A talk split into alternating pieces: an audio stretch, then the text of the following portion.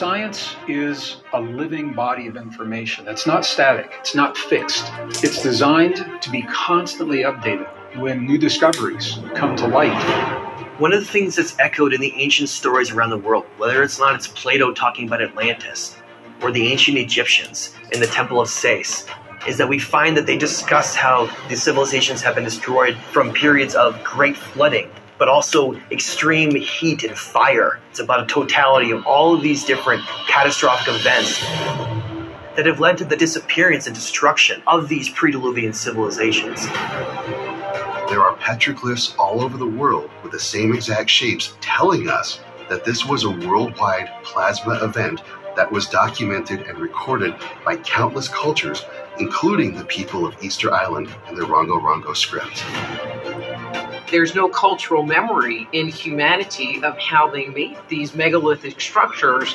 There's no recollection of the engineering technology that's required to create these structures because it wasn't their technology. It was the God's technology. That's why we can't do it again. We're writing a new story right now. We have to, because the evidence no longer supports the story of the past. This is where our new story begins. It's my privilege to have Raymond Tarpey back with us again. A scholar, teacher, and linguist, he helps us wrap our minds around the connectedness between past high periods of history and the true destiny of humankind. Today we'll speak about what Sir Francis Bacon called the New Atlantis in the 16th century, which of course is America, right? And I find, well, there's so much that's fascinating in the story, which is why we're kind of calling this the New Atlantis.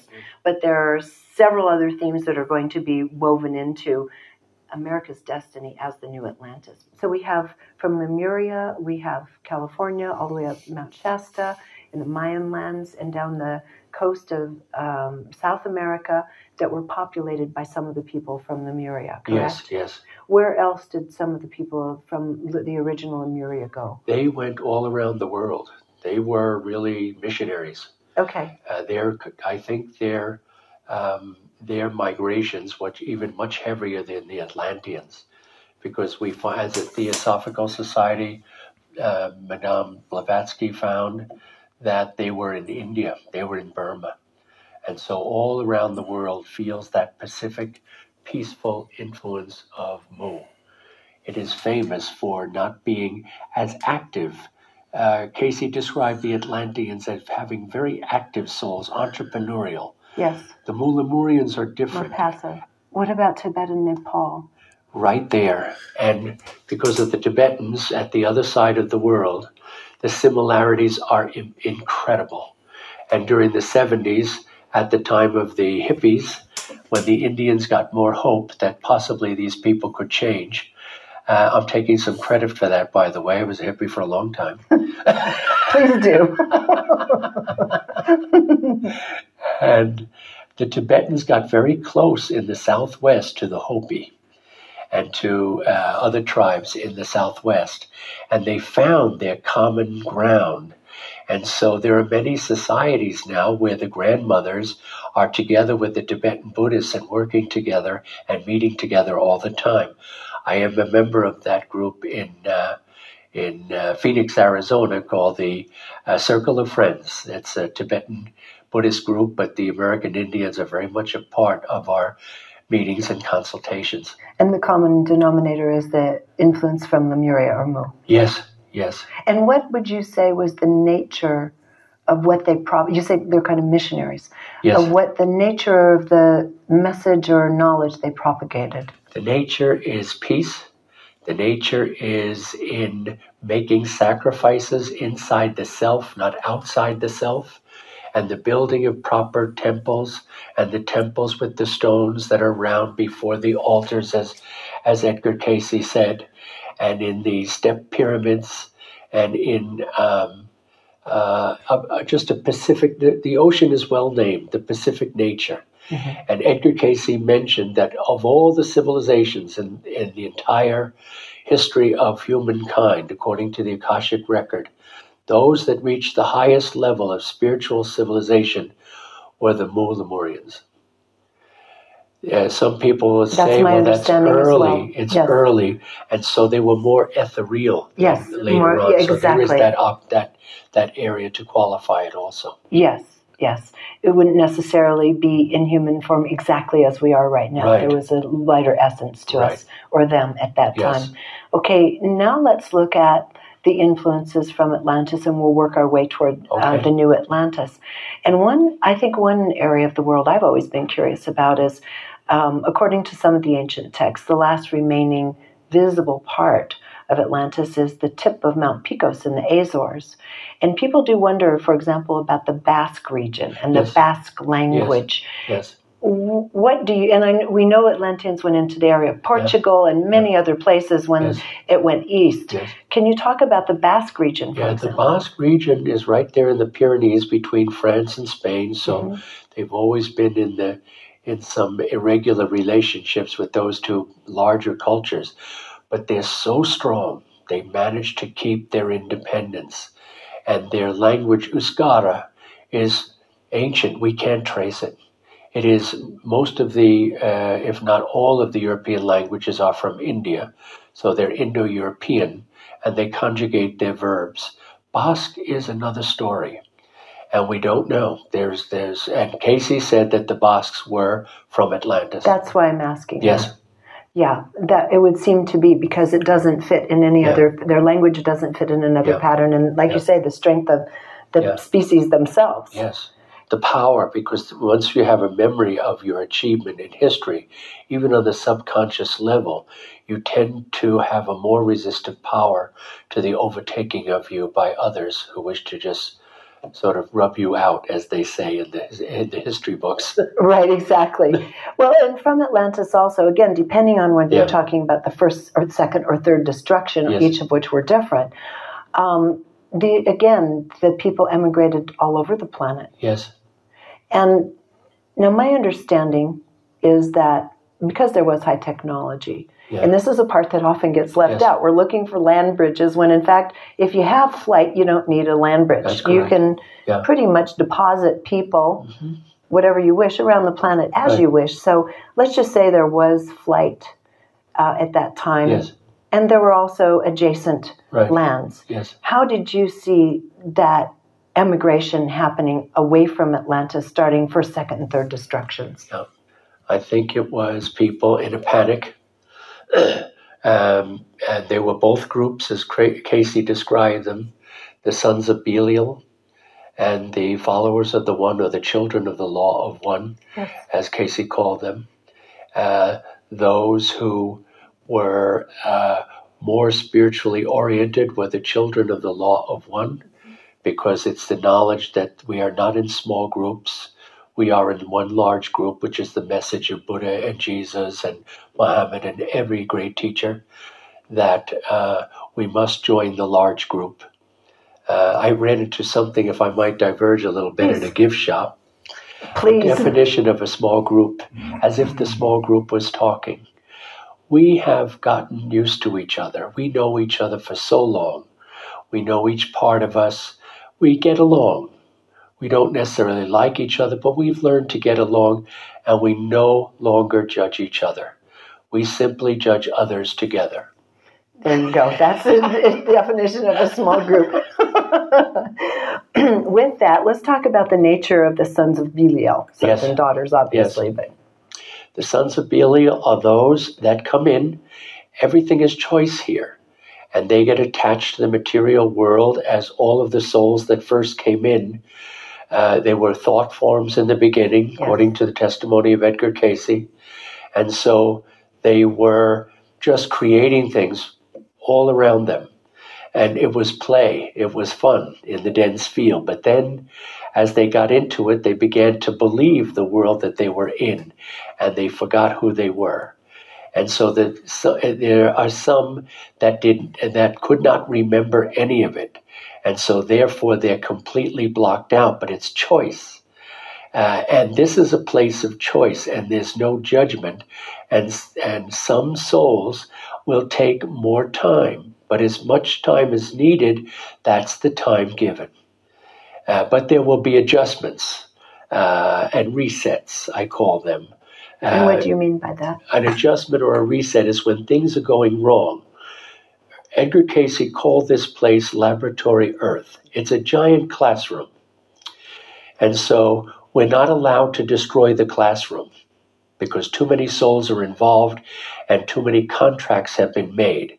And so if one life form decides that they are more important than all this and want to uh, do things that would destroy laboratory Earth, then there are gentle adjustments and then there are shakeups that occur, earthquakes and the destructions of Atlantis would be an example of a heavy one, which, The as I final s- one, said to yes. you once before, I think I'm into the minor adjustments. Let's talk about where the migrations between early, early Egypt, Lemuria, and Yes. Atlantis were taking place. Yes, the very earliest one are prehistoric, and so uh, some of them have no records anywhere.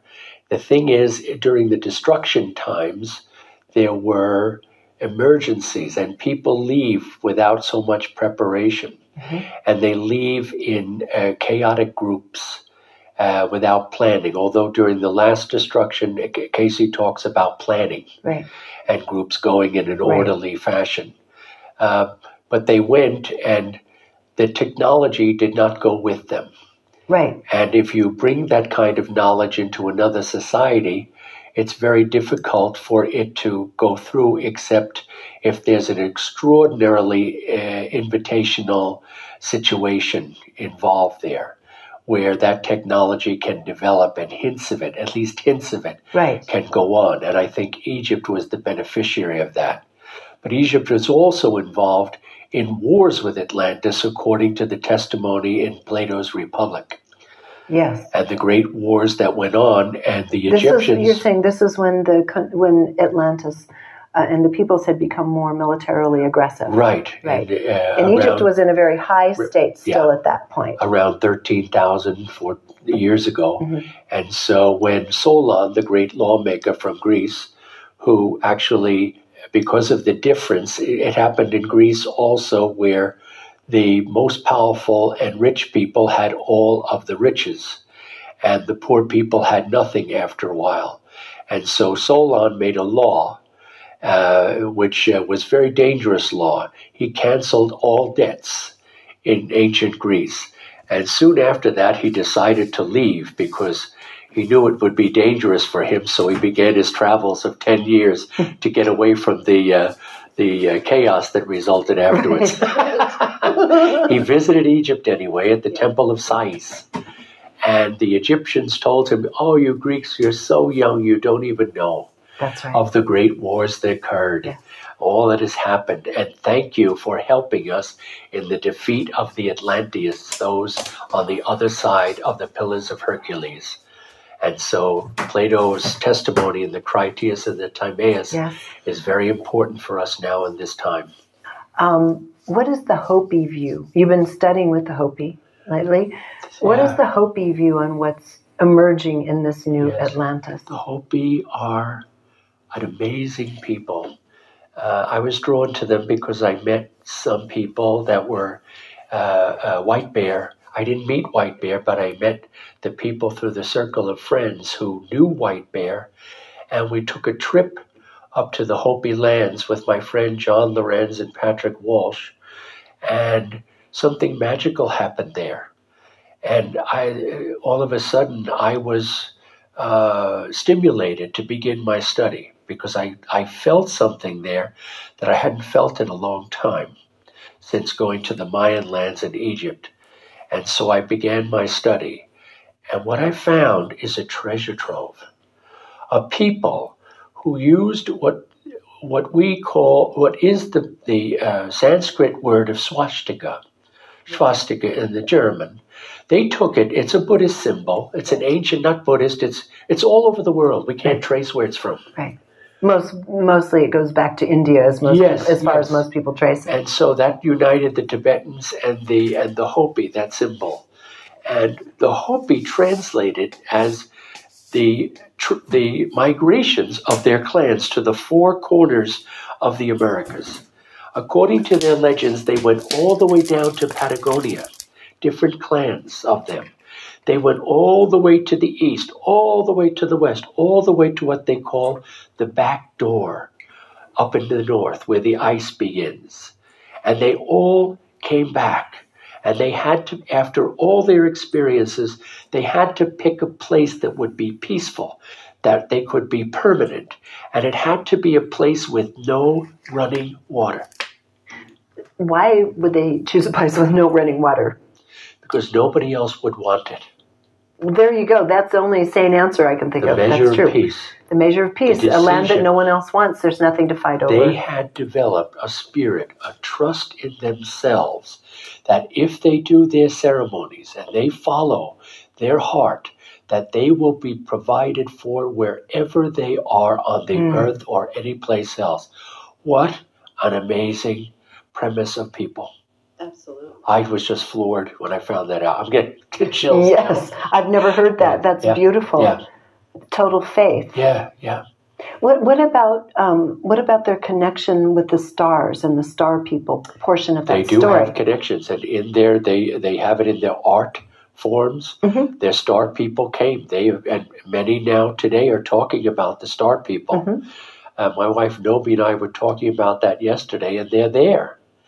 And they, they some come to help. There are different species. There are the sons of Belial, and the uh, followers of the uh, law of one among them too. They are souls with choices also. But somehow there is a protective layer here. Laboratory Earth will be protected.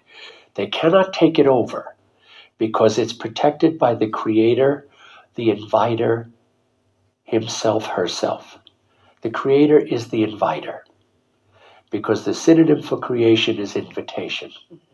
It's an invitation for evolution to become a companion of a different order to the Creator. That's the only explanation I've ever found, and I found out through the ARE uh, uh, records and Edgar Cayce records.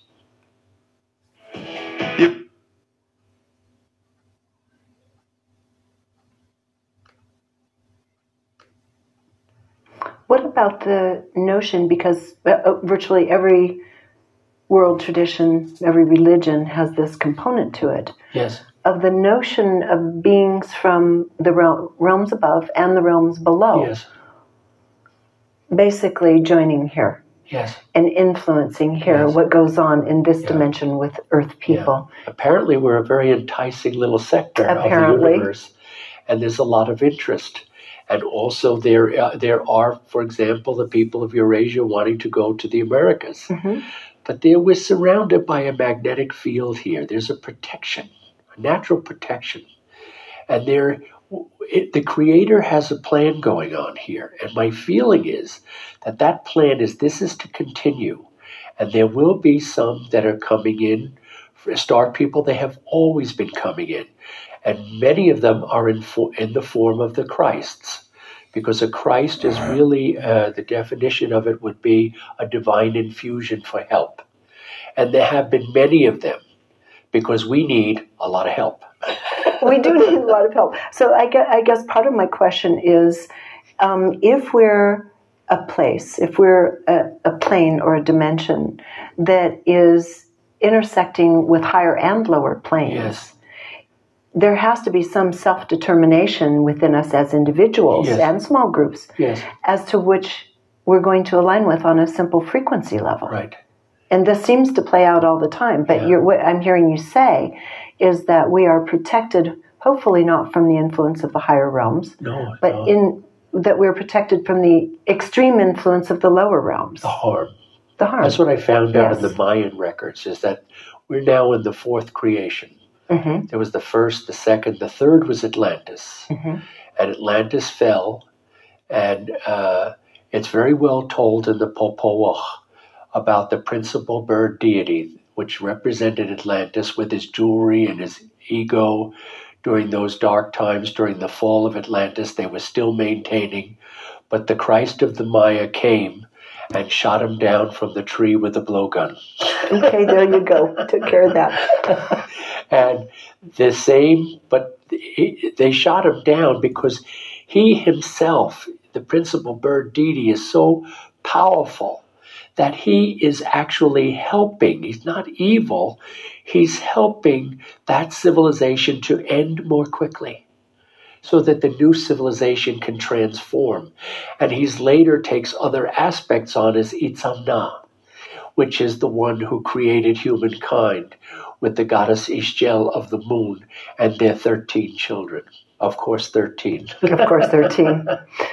Um, let's let's look at um, beyond beyond the Hopi now. Yes. One thing is you said the number 20 is important Yes. in America, and you say the year 2020 is Yes. important. Before we get to that, let's feed into it. December 21st, 2012, Yes. the end of the Mayan calendar. Yes. People were freaking out all over Yes. the world. Okay. Yes. So it's come and it's gone. What was the literal interpretation of what was to have happened at that time? And then what does 2020 lead us to? The 2012 2013 juncture is the end of the juncture from 3100 BC. That's when Upper and Lower Egypt were united. Yes. That's like it's like a marker of time, and the Sumerian uh, civilization was developing apace, and that is a beginning of this civilization. We are them because we. It's not that all of us are them, but it is the dominant thrust of our civilization. That which came from the Persian Gulf and the uh, the Mesopotamia and Egypt, and the torch got passed to the Persians, and then the Persians uh, and the Egyptians, and then the Egyptians uh, to the Greeks, and then the Greeks to the Romans, and then the Romans to uh, the French, and uh, then uh, to England, and then the torch was passed Passed to the. United States. Does this also bring reincarnation in? When you say we are them, as we have from that period reincarnated in mass now? Because that's my And observation. they're coming in from different, we don't know where, all sorts of different places because it's arranged. Yes. Because there are conferences in the Bardo, in the time in between Mhm. lives, Mhm. where we make contract, we have a mission. The Mayan calendar is the, the finest instrument I have ever seen to tell people what their spiritual mission in here is and their incarnate kundalini aspect. What's at the flip side the bottom of the lord of night for example that walks underneath them 24/7 and that guides them through their legs and their left ear at night.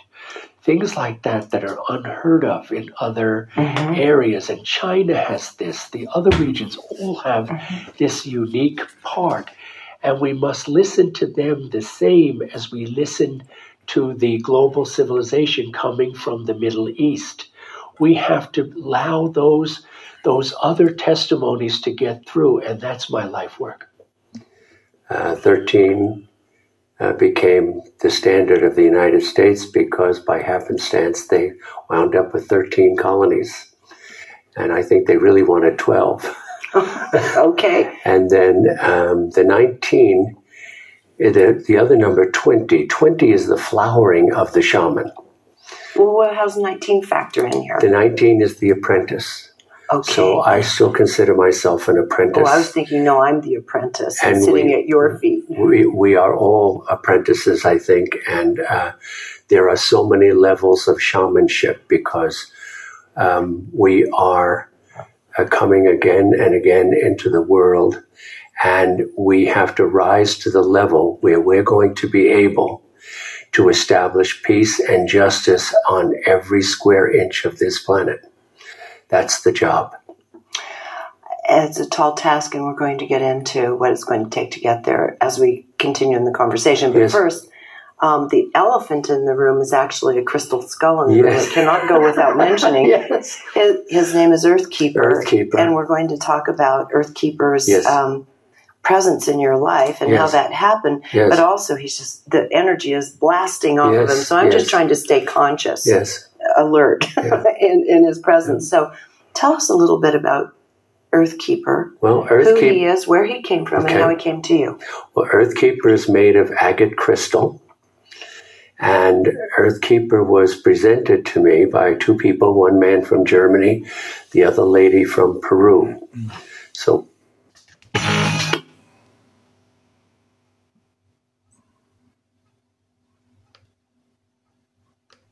So one European, one um, American, so to speak, the uh, in the born in the Americas.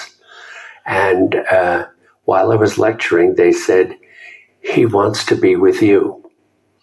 And so I they put I had them put them on the put him on the table where I was speaking, and then they came back later on at four o'clock and said he still wants to be with you. Would you become his caretaker? And I said, ah, ah. it was one of the most amazing moments of my life. Yeah. And this happened because that's when I met you. That's I may right. have met you that day. Yes, yes. Either And that day or the following days when I first met 11, 11, 11. Yes. I was at that conference. And here we are, 11 again. And I remember you were, as the British say, gobsmacked that this had happened. yes. And I met you right after you Yes. were given yeah. Earthkeeper. Yeah. And you had no idea what would commence after that. No, I had no idea. I was uh, um, using the Mayan calendar, and I was talking about what I had learned from Mayan um, history and from the Popol Vuh, one of the main sources of the um, the Mayan uh, testimony, uh, spirit testimony of a culture that existed at the crossroads between Atlantis and Mulamuria and the thin place in between the two big pieces of the Americas. And so it's sort of by their very position, they're appointed to have a special place in our spirit heritage. Now, was he one of the 12 skulls that had been identified at that time that the elders from mostly Central and South America possessed, and a couple of Americans? It is it is a legend of the thirteen skulls when they come together. right. And thirteen is the meaning of thirteen is mainly transformation. To transform. And the number thirteen is sacred. The Maya seem to have seen it because it, it they looked at the human body and saw thirteen joints, three in each arm, three in each leg, and the neck and they saw it in the growth patterns of plants where you'd have five revolutions and eight leaves. Most plants grow in that way. That's the Fibonacci sequence. So to them, 13 became a sacred number. It became a sacred number because they're observing nature. It's not just observing the sky for their astrology. All of nature is their astrology. So it's naturology. Mhm.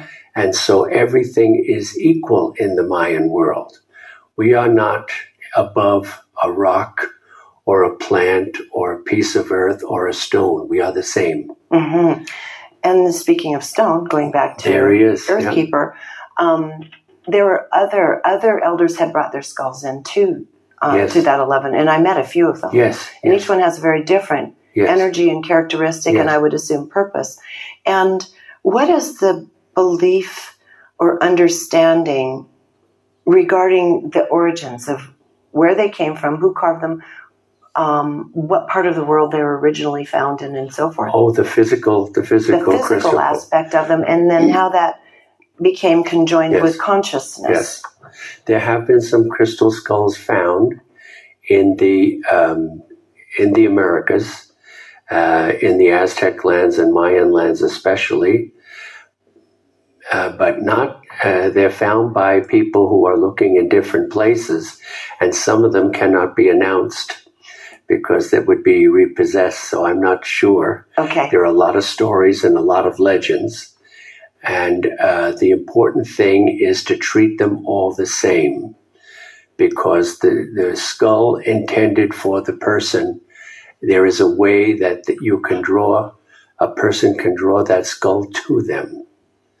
Uh, um, and for me, it was quite of a shock because I was not into crystal skulls when I began at ARE uh, in Virginia Beach. Which is Edgar Cayce's Edgar Institute. Cayce's um, ARE, and I did a presentation in New York on the crystal skull, and there were a few people in the room because. But then, when they heard the story of the the legend of the crystal skull, then the room suddenly filled up, And Well, people are so fascinated. I mean, Hollywood did their version of it. Wasn't Oh, it one of the Raiders of the Lost Ark, the Oh, crystal they, skulls? They didn't had really the cover 13 that. skulls there. Yeah, they didn't cover They the. didn't cover. They just said Yeah. they were there, and Yeah. that was the holy grail what they were looking for. These wisdom keepers from ancient times. Right, right. And everybody takes in at a different place. It's fine. It all contributes to the general knowledge of us all Well, uh, to know our legends. Yes, and, and the interesting thing about these skulls, because they're also a human or ET, whatever representation of a Yes. human skull, Yes, um, I th- I think actually you said they're all to be treated equal. yes, Now, we have some that are said to have been imbued or have come with knowledge that was even seeded Yes. from other star Yes. systems eons ago. that's very possible. And- yes, At the same time, if you take one that was literally just carved and Yes. you put it with you or Yes. someone or a group of Yeah. people, these start taking on that information and they're yes, it's crystal technology it stores Yes. information yes, so they start storing this individual or collective information and become kind of an egregore in the good sense of the Yes. word right they start storing in a different way in the Mhm. shape of the skull. Um, according to the readings of Edgar Cayce, the first purpose of crystal, crystal's presence in the earth itself, is communication with other dimensions. yes That's its first use yes because it's memory. It's capable It's of memory. holding memory, exactly and our computer industry started with that. absolutely And so the memory uh, can be placed, they're, they're like recorders. They are known to be able to store knowledge, and they are sacred uh, to the Maya because they represent the, the skull represents the most sacred thing in the Mayan world. What the cross is to the Christian, the skull is to the Maya. It's the symbol of the sacrifice of the Christ of the Maya. The skull represents the way the twin Christ uh, history evolved in the Mayan and the American world. In most of the American cultures, ancient cultures, the Christ is represented as two boys, twin boys. Kunnen jullie boven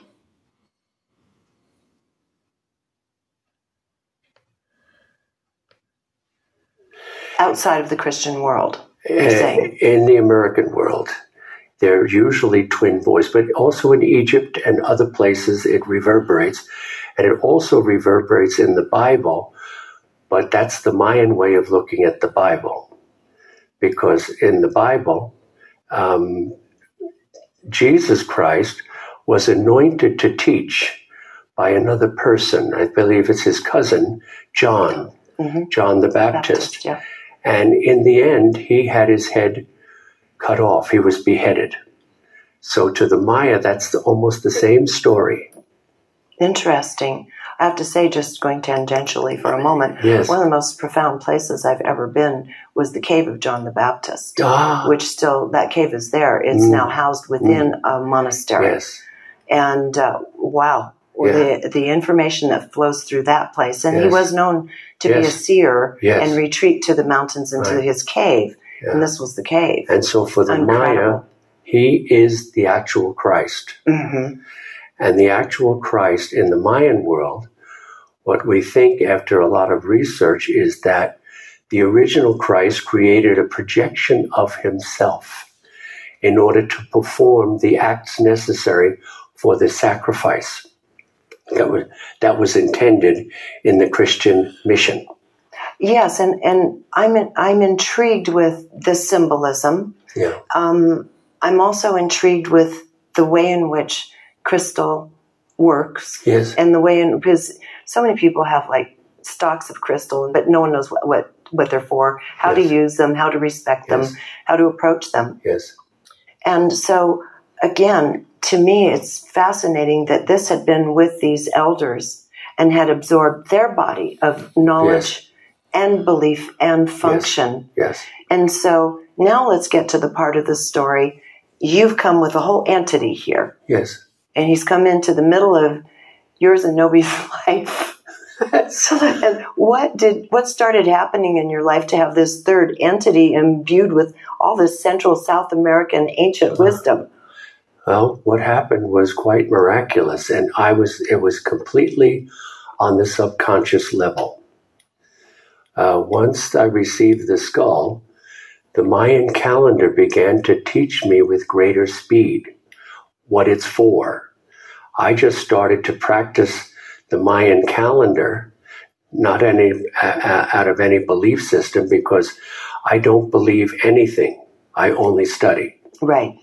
And uh, it just turned out that the whole t- when that this skull is in presence with a client uh, receiving a Mayan calendar, my whole behavior changes.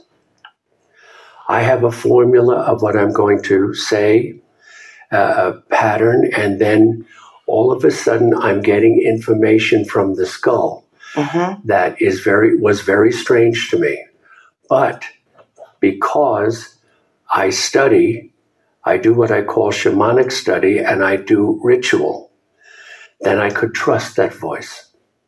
And ritual or ceremony is the word sacrifice. Uh, You're making a sacrifice, like an ofrenda table, a mesa, like this is a mesa. Mm-hmm. And when you make that sacrifice and you make an offering, what you're doing, because you were educated in a in a science a type of a society, a modern society, you are sacrificing your mind to your heart.